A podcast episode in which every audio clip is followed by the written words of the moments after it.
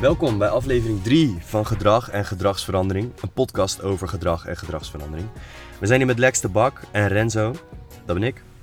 Uh, we gaan het vandaag vertellen, of uh, vandaag hebben, Lex gaat daarover beginnen, hoe gedrag nou eigenlijk tot, tot stand komt. Vertel Lex, ik ben benieuwd.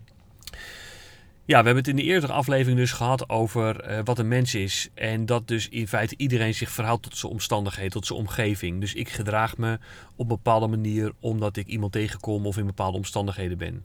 In de vorige aflevering hebben we het gehad over wat de functies van mijn gedrag zijn. Dus uh, ik ben op zoek naar aandacht, ik ben op zoek, ik wil liever vermijden, ik ben op zoek naar een concreet doel of ik heb een bepaalde uh, lichamelijke behoefte.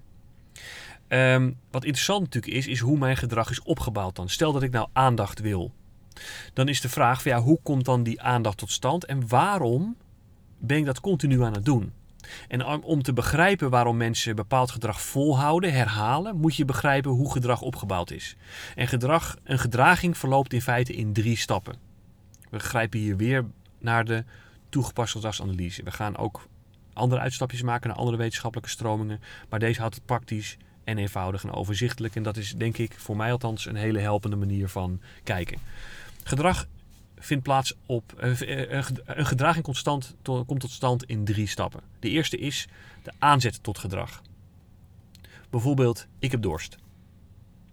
Dus mijn, mijn, mijn hersenen zeggen iets, er komt een signaal uit mijn lichaam en die zegt ik heb dorst. Stap 2 is, ik pak een glas water. Dat is een concrete gedraging. Je kunt mij zien. Gedrag moet je kunnen waarnemen of kunnen horen. Dus gedrag moet waargenomen kunnen worden met je zintuigen. Pas dan noemen we het een gedraging. De gedraging is: ik pak een glas water en ik neem een slok water. En daarna ervaar ik iets als ik die slok genomen heb. Dat noemen we de consequentie. Dus ik heb dorst. Ik neem een slok water. Mijn dorst is gelest. Mijn telefoon zegt ping. Ik kijk op mijn telefoon en lees een berichtje. Ik voel mij verbonden met iemand. Ik kijk op mijn horloge. Het is laat. Ik ga naar bed. Zorgen sta ik opgerust, uh, uitgerust op. Aanzet, gedrag, consequentie. Elke gedraging die we doen, elke gedraging die we doen, bestaat uit die drie stappen. Maar om goed te kunnen begrijpen dat, uh, hoe die drie stappen werken, moeten we iets meer de verdieping in. Ik had het al net over gedrag. Wat is gedrag dan precies? Maar aan die aanzetkant wil ik beginnen. Want uh, wanneer kun je nou verwachten van iemand dat hij zich op een bepaalde manier gedraagt? Ja, ik heb geleerd tussen geboorte en vandaag, weet je nog, hoe ik een glas water moet tappen uit een kraan en hoe ik een slok moet nemen. Dat hebben mijn ouders mij aangeleerd. Dus ik herhaal dat gedrag omdat ik namelijk uh, ja, dat, dat heb meegekregen vanaf geboorte, zeg maar. Ik moet dus wel de vaardigheden hebben om een slok water te kunnen nemen. Je kunt mij een iPad geven, maar ik moet wel de vaardigheden hebben om dat ding te kunnen bedienen. Je kunt mij een auto geven, maar ik moet wel de vaardigheden hebben om die auto te kunnen besturen. Kortom, je kunt van alles van mij verlangen. En er zijn heel veel mensen die van alles van mij verlangen. Maar de vraag is: ben ik wel geschikt voor de dingen die je van mij verlangt? Heb ik wel tussen geboorte en vandaag datgene meegekregen om te doen wat jij nodig vindt.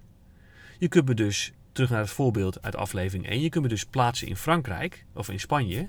Maar als ik dus qua vaardigheden niet heb geleerd dat ik Spaans leer, heb leren spreken tussen geboorte en vandaag, dan kun je van mij nu verlangen dat ik Spaans spreek omdat we gezellig in een café met andere Spanjaarden gaan ontmoeten en jij spreekt misschien heel vloeiend Spaans. Maar uiteindelijk heb je overgeslagen dat ik helemaal geen Spaans kan. We hebben dus allerlei inschattingen van mensen om ons heen die van alles zouden moeten kunnen. Ik kom ouders tegen die zich afvragen waarom hun 30-jarige kind nog steeds thuis woont. Dat is niet zo vreemd als je bedenkt dat het kind tot zijn dertigste de vaardigheden niet heeft uh, meegekregen van het bedienen van een wasmachine, het koken van een maaltijd, het doen van financiën, het halen van boodschappen, het uh, omgaan met eenzaamheid in je eentje in een appartement of weet ik veel waar je gaat wonen. Uh, het feit dat je uh, niet aan kunt schuiven aan de tafel omdat je ouders hebben gekookt. Ouders die ik spreek zijn verbaasd dat hun 30-jarige kind, die toch echt wel volwassen is, dat hij de gedragingen niet vertoont van een volwassene. Nou, is dat vreemd? Of, daar gaan we, Elk gedrag is logisch. Is dat logisch? Dat is volstrekt logisch. Want er moet nogal wat gebeuren voor het moment dat iemand uit huis kan, voordat iemand uit huis kan. En wat we zien gebeuren is dat mensen hun beleving, hun standaard verwachting projecteren op andere mensen en zeggen: Ik verwacht dat jij dit kunt. Want hé, hey, ik kijk naar je leeftijd, 30. Natuurlijk, je, ik, ik woon zelf al, al 10 jaar op mezelf uh, en ik ben ook 30. Dus uh, jij moet ook dat kunnen, toch? Nee, nee, nee, je slaat even over dat die ander die vaardigheden niet heeft. Dus we vragen iets aan iemand, concreet gedrag, maar de, de, de, de aanzet tot gedrag, dat noemen we technisch de antecedenten, die zijn niet op orde. De vaardigheden ontbreken. Een andere belangrijke is, is er tijd überhaupt voor gedrag? Je kunt van alles van mij verlangen. Je kunt zeggen, Lex, we gaan uh, nu 25 podcastafleveringen opnemen. Allemaal achter elkaar en het gaat ons 36 uur achter elkaar kosten. Nou, dat hou ik zelf niet vol. Dus die, die tijd heb ik niet. Er zijn dingen die we in professionele werkomgevingen zien. Dat, mensen, dat er allerlei dingen van mensen worden verlangd. Zonder dat gekeken wordt of het qua tijd wel haalbaar is. Dus we verwachten allemaal dingen. Maar we houden geen rekening met de beschikbare tijd. Plus misschien dat iemand.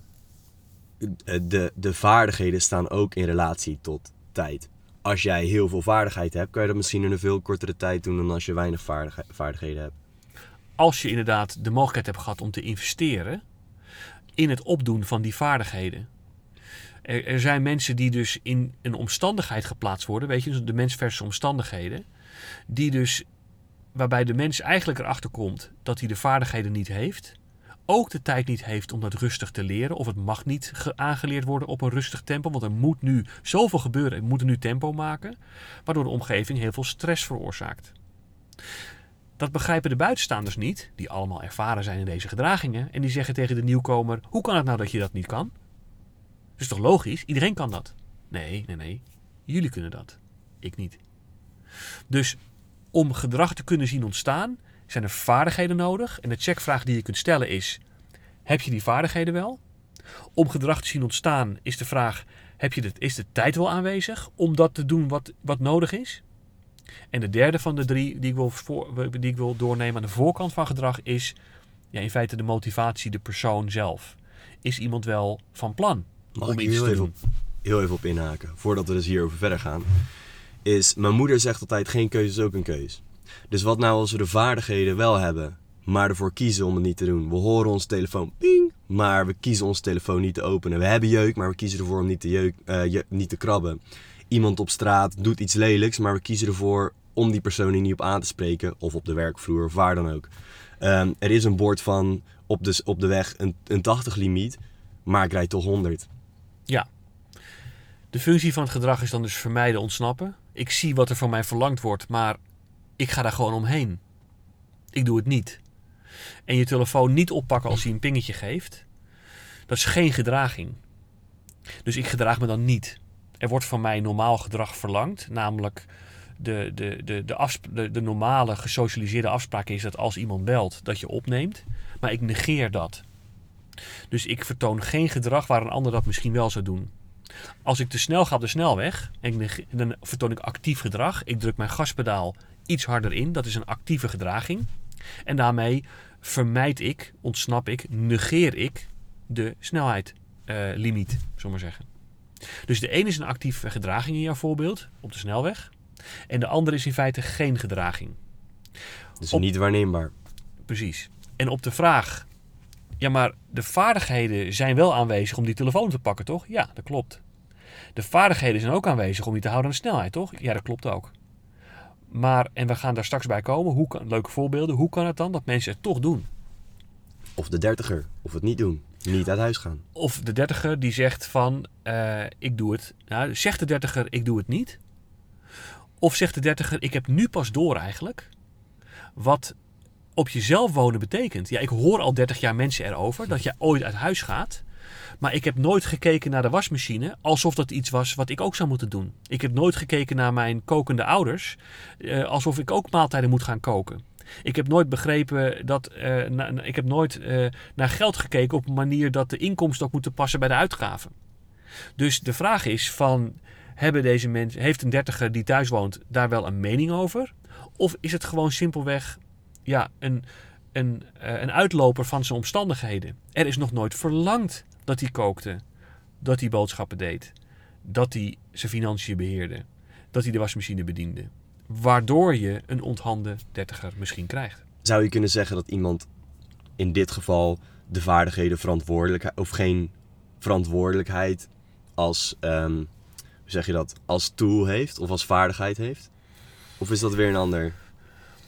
Je zou kunnen zeggen dat ehm, het gedrag is. eh, Dus, dus de vraag is: heeft die persoon die verantwoordelijkheden ooit wel eens gehad? Op jezelf wonen is een complex ding. Wat allerlei soorten verantwoordelijkheden met zich meebrengt. Allerlei soorten vaardigheden van je verlangt. Waar je ook de tijd voor vrij moet maken om dat te doen. Als dat nooit gebeurd is, dan kun je opeens wel een verwijt maken aan iemand en zeggen: Je bent nu 30, nu zou je toch eens een keer je verantwoordelijkheid moeten nemen. Ja, wacht even, wacht even. Ehm, dat is dan voor het eerst dat die persoon iets hoort over dat de verantwoordelijkheden daar überhaupt liggen. De mens concentreert zich op wat hij ziet. De mens concentreert zich niet op wat hij niet ziet. Dus die, dus die dertiger in dit voorbeeld, die ziet nog niet, totdat zijn ouders daar misschien wat meer druk op uitoefenen, dat er iets te doen is. Terug naar gedrag. Yes. Drie stappen. Aanzet tot gedrag bestaat dus uit vaardigheden, de tijd voor dat gedrag en wat je eigen motivatie is. Heb je een gevoel van verantwoordelijkheid? Bijvoorbeeld. Heb je intrinsieke motivatie? Wil je ook daadwerkelijk iets? Wil je je bed uitkomen 's ochtends of liever in je bed blijven liggen? Heb je zin om de telefoon op te nemen of liever niet? Die drie dingen zijn een soort checkvragen die je kunt doen als je kijkt naar waarom komt bepaald gedrag niet tot stand. Heeft iemand die vaardigheden wel? Heb ik die vaardigheden wel van de dingen die van mij worden verlangd? Heeft iemand de tijd er wel voor? Of vragen we dingen die helemaal overspannen zijn? En is iemand eigenlijk wel gemotiveerd om te doen wat we van hem verlangen of van haar verlangen? Dat zijn belangrijke checkvragen. Stap 2, dus dat is de aanzet. Wat klaar moet staan voordat gedrag tot stand komt. Ik moet heel veel dingen op orde hebben voordat ik zelfstandig de auto in mag stappen en zelf mag rijden. Dus de vaardigheden, de tijd en de motivatie moeten er zijn. Ja. In het geval van een auto heb je zelfs je rijbewijs nodig, dat vinkje, waarbij iemand anders vindt dat jij het kan. Ik ga me vervolgens gedragen, dus stap 2. Dat gedrag hebben we het over gehad, dat moet waarneembaar zijn. Misschien zelfs meetbaar zijn. Je moet het kunnen zien, je moet het kunnen horen, je moet het kunnen waarnemen. En wat we in organisaties vooral zien, is dat ze heel vaak pra- praten in vaagtaal. We verwachten van onze medewerkers dat ze initiatief tonen. Dat is geen gedrag. Eh, dat ze eh, eigenaarschap vertonen. Ondernemend zijn. Dat is allemaal geen gedragingen, want ik kan dat niet concreet voordoen.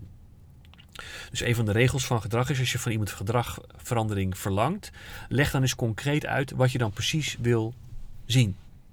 En misschien is dat voor elk persoon ook weer anders. Ondernemend zijn voor jou is misschien anders dan voor mij. Dus als ik van jou verwacht, hé, hey, ik verwacht dat je onderneemt, zou ik misschien zeggen, ik verwacht gewoon dat je voor mij ook een kopje thee inschenkt. Zo weet je wel. Maar En, dit is waar discussies tussen mensen ontstaan. Want we, we gebruiken allebei dezelfde taal. Jij bent ondernemend, ik ben ondernemend. Maar we hebben hele andere beelden, associaties bij dat woord. Waardoor we een enorme kans hebben op ruis. Daarom is het zo belangrijk om te, om hem te vertalen in iets praktisch. Iets concreets. Iets concreets, iets waarneembaars.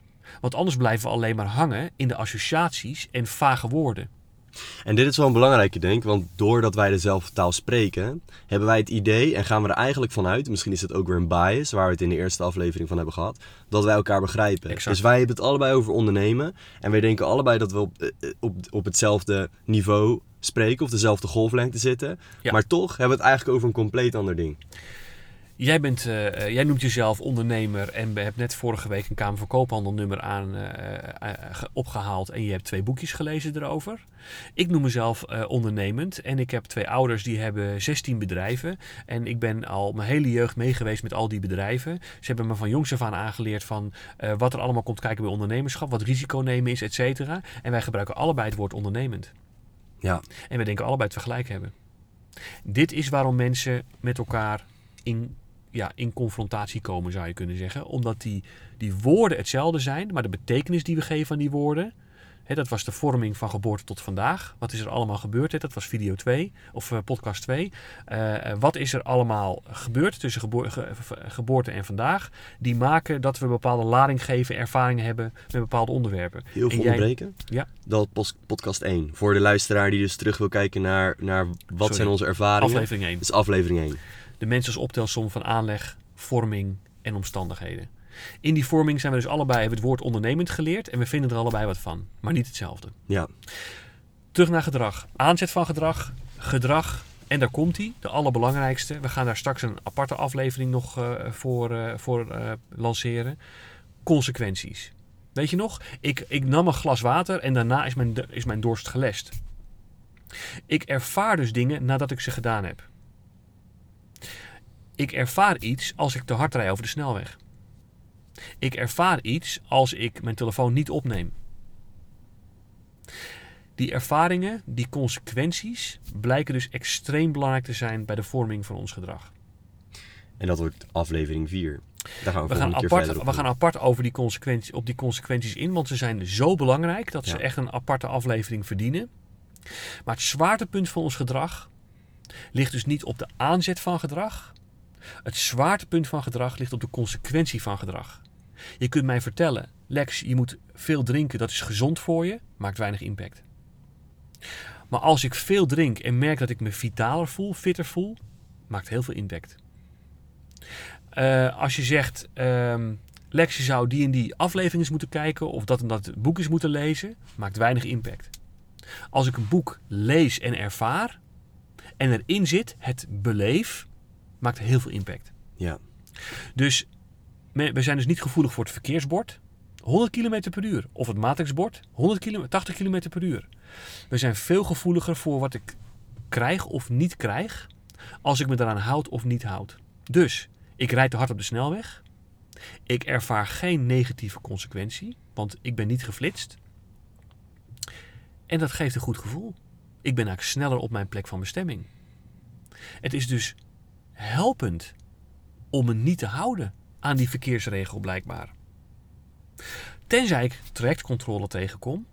En bij trajectcontrole is er een continue blik vanuit de camera's op mijn rijgedrag. En daarom zie je iedereen bij trajectcontrole ook onmiddellijk vertragen in snelheid. Ik weet dat er een negatieve consequentie aan komt als ik te snel rijd. Die negatieve consequentie, die heet boete, die wil ik niet. Dus nu gedraag ik me opeens wel aan. eh, nu, dus mijn gedrag is dus nu wel passend bij de verkeersregels. Als ik geen pakkans heb, een kleine pakkans heb, hou ik me dus minder goed aan de regels. Als er een hele grote pakkans is, hou ik me dus wel aan de regels. Zelfde principe, de, ik schat dus als mens de consequenties in van mijn handelen. En daar bepaal ik mijn gedrag op. Ik ga dus de ene keer te hard en de andere keer precies volgens de snelheid. Omdat de omstandigheden mijn inschatting doen maken over ik kom ermee weg of ik kom er niet mee weg. Ik kom ermee weg als ik de telefoon van Renzo niet opneem. Hij belt mij. Ik negeer dat. Daar kom ik wel mee weg. Eigenlijk, net als bijvoorbeeld sociale controle binnen een dorp, is ook zo'n voorbeeld van een trajectcontrole. Kom je ergens mee weg of niet? Exact. En, en, maar hier gaan we het volgende keer ook meer over hebben. Dus Klopt. waar ik nog heel veel naar terug wil, is allereerst de korte samenvatting. Is dus, je hebt een trigger of een aanzet van gedrag. Dan vervolgens heb je het gedrag zelf. Wat dus heel belangrijk is, is gedrag is waarneembaar. Dus het is concreet. Je kan het, je kan het waarnemen met, met zintuigen. Je zou het op kunnen schrijven en, en, en puur observ, observatief. Ja. Ehm, en heb je reactie. Dus eigenlijk trigger, actie, reactie. Of een rea- consequentie. consequentie. Consequentie is een betere. Waar ik op in wil zoomen, heel eventjes, is nog het concrete, ehm, concrete gedrag. Of concreet waarneembaar. En ook dus, eigenlijk wil ik nog heel eventjes aanhalen van een relatie. Bijvoorbeeld een relatie tussen een persoon of personen is... We kunnen daar best wel snel uitspreken wat we verwachten. Of het nou op de werkvloer is of een romantische relatie. Kunnen we heel snel zeggen, ik verwacht gewoon dat je me liefde geeft bijvoorbeeld. Of ik verwacht dat je ehm, een, een stapje extra zet. Maar wat is dat nou eigenlijk concreet? En kan je daar heel eventjes op, op terug inhaken op bijvoorbeeld...